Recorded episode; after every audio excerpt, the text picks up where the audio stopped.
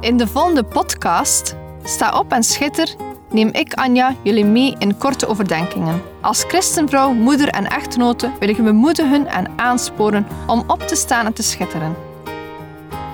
We zijn niet gemaakt om in Gods koninkrijk stil te zitten en niets te doen, maar om op te staan en dienstbaar te zijn. In de eerste plaats tien over God, daarna tien over ons gezin, onze partner of onze geloofsgenoten.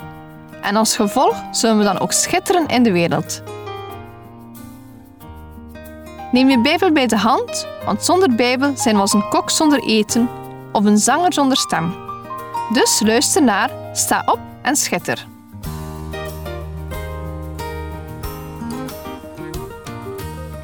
Vandaag ga ik stilstaan met Pinksteren. Samen met kerst, Pasen en Hemelvaart is Pinksteren een belangrijk feest. Pinksteren is eigenlijk een prachtig feest voor christenen en is dus veel meer dan alleen maar een lang weekend met allerlei activiteiten. Het is waarschijnlijk voor veel mensen gemakkelijker om kerst, Pasen en Hemelvaart te vieren dan het Pinksterfeest. Ik denk dat het komt omdat de eerste drie feesten om Jezus draaien als zoon van God. Ze gaan over Jezus' geboorte, opstanding en terugkeren naar zijn vader. Pinksteren is helemaal anders dan de andere drie feestdagen. Pinksteren draait om de uitstorting van de Heilige Geest, de Heilige Geest als plaatsvervanger van Jezus. Het is een feest dat gaat over iets helemaal geestelijks, het onzichtbare. Om het Pinksterfeest goed te begrijpen, ga ik Handelingen 2 lezen, versen 1 tot en met 13, waar staat: En toen de dag van het Pinksterfeest vervuld werd, waren zij allen eensgezind bijeen. En plotseling kwam er uit de hemel een geluid als van een geweldige windvlaag, en dat vervulde heel het huis waar zij zaten. En aan hen werden tongen als van vuur gezien die zich verdeelden, en het zat op ieder van hen. En zij werden allen vervuld met de Heilige Geest en begonnen te spreken in andere talen, zoals de Geest hun gaf uit te spreken. Nu woonden er Joden in Jeruzalem, Godvrezende mannen uit alle volken die er onder de hemel zijn. Toen dan dit geluid klonk, kwam de menigte samen en raakte in verwarring want ieder hoorde hen in zijn eigen taal spreken. En zij waren allen buiten zichzelf en verwonderden zich. En zij zeiden tegen elkaar: Zie, zijn het niet allen Galileërs die daar spreken? En hoe kunnen wij hen dan horen? Eén ieder in ons eigen taal waarin wij geboren zijn. Parten, Meden en Elamieten en zij die inwoners zijn van Mesopotamië, Judea, Cappadocië, Pontus en Azië, Frigea, Pamphylië, Egypte en de streken van Libië, dat bij de Cyrene ligt, als ook de nu hier verblijvende Romeinen, zowel Joden als proselyten, Cretensen en Arabieren. Wij horen hen in onze taal over de grote werken van God spreken. En zij waren allen buiten zichzelf en raakten in onzekerheid. En de een zei tegen de ander: Wat wil dit toch zeggen? Anderen zeiden spottend: Zij zijn vol zoete wijn. We hebben gelezen dat Pinksteren al een bestaand feest was van de Joden. Het Hebreeuwse woord ervan betekent weken en het is het feest van de eerstelingen van de oogst. Ook wel wekenfeest of oogstfeest genoemd.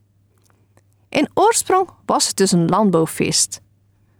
Maar tegelijk had het ook een religieuze dimensie.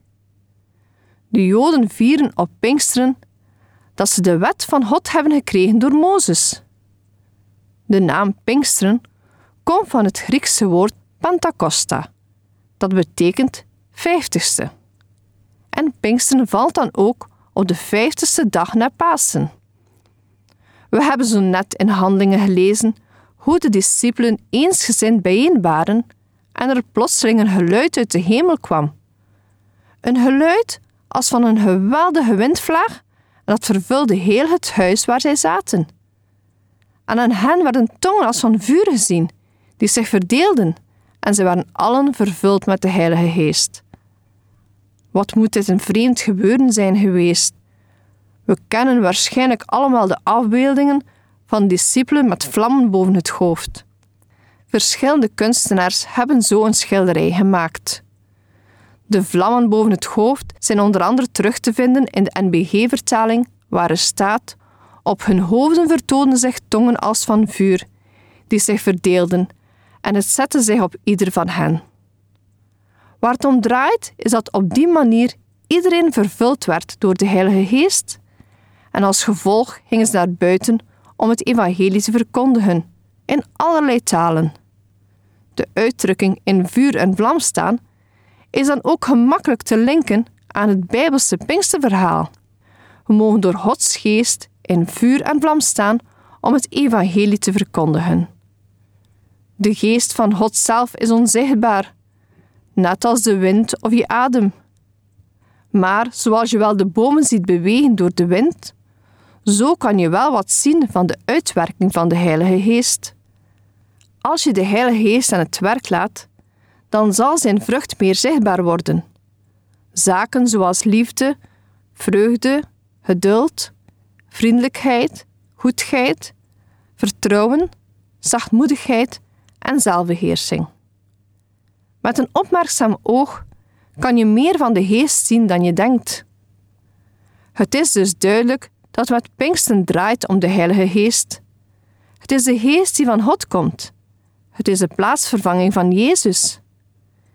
De Heilige Geest zorgt voor datgene wat je hier en nu van God op aarde kunt merken. Je kan het vergelijken met de wind. Net zoals de wind niet kunnen zien, kunnen we Gods geest ook niet zien. Maar net zoals we de werking van de wind kunnen zien in stormen en orkanen, zo kunnen we ook de krachtige werking van Gods geest zien in situaties en levens van mensen. Een van de meest sprekende parallellen tussen wind en geest vinden we terug bij de uittocht uit Egypte. Hier zien we de verlossende kracht en machtige dynamische werking van de Heilige Geest, gedemonstreerd wanneer een krachtige oostwind de zee splijt. Wij hebben bij ons bekering ook deze Heilige Geest ontvangen. Als je nog niet veel weet over de term Heilige Geest, dan wil ik je verwijzen naar uitzending 17 waar ik dit thema bespreek.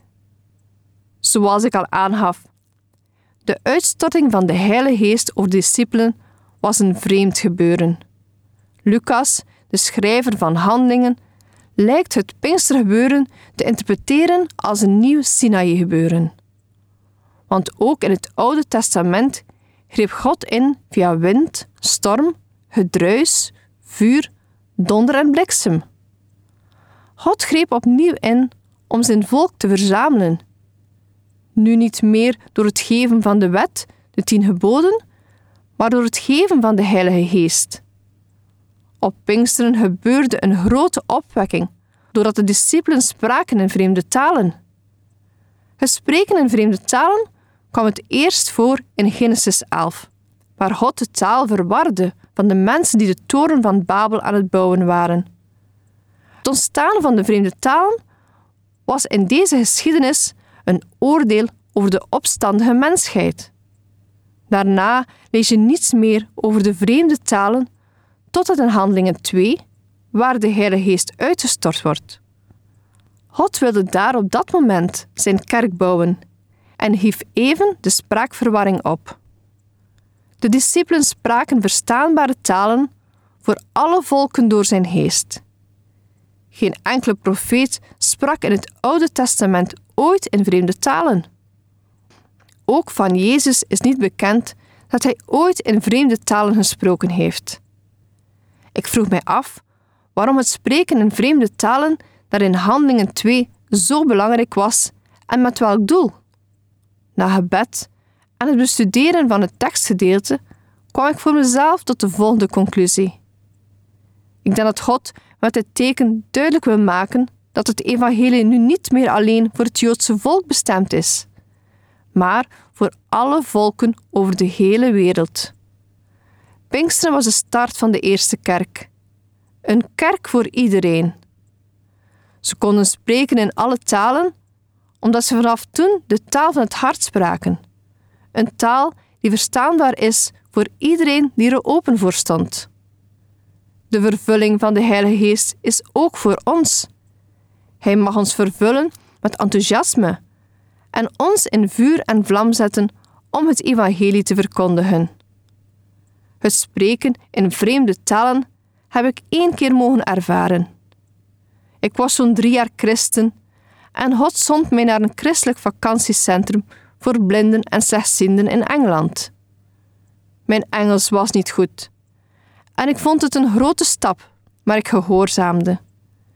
Ik werd er gevraagd om een dagopening te brengen en te vertellen over Jezus. Wat was dat een grote uitdaging? Ik had geen problemen om over God te spreken, maar om dit in het Engels te doen was een grote uitdaging. Ik bad voor Gods leiding en ik merkte op dat ik die week vlot Engels sprak, wanneer ik het evangelie bracht en God centraal was in de gesprekken. Wanneer ik bij manier van spreken sprak over koetjes en kalfjes, dan moest ik zo zoeken om mijn woorden. Als ik terugdenk aan dit gebeuren, dan word ik weer enthousiast over de werking van de Heilige Geest. Er is geen groter geluksgevoel dan het opmerken dat wat je doet geleid wordt door de Heilige Geest. We mogen leren luisteren naar de stem van de Heilige Geest. Dat gaat ook over kleine dingen als een kaartje zenden of iemand opbellen om te bemoedigen. Pinkster is het feest van beweging, van vuur en enthousiasme. Pinksteren is de dag dat de apostelen, ontmoedigd door de dood van Jezus, gingen beseffen dat ze zijn werk moesten voortzetten. Pinkster vertelt ons dat de discipelen de straat op gingen om te getuigen en zo een nieuw begin te maken. De start van de kerk. Laten we iedere dag stilstaan bij de Heilige Geest en hem toelaten zodat we kunnen opstaan en schitteren. Deze podcast kun je steeds opnieuw beluisteren via de website en app van twr.be. Als je deze aflevering leuk vond en je wilt de podcast helpen ondersteunen, deel hem dan met anderen. Heb je gebed nodig of wil je reageren op deze uitzending? Zend dan gerust een mailtje naar anja.twr.be. Bedankt voor het luisteren.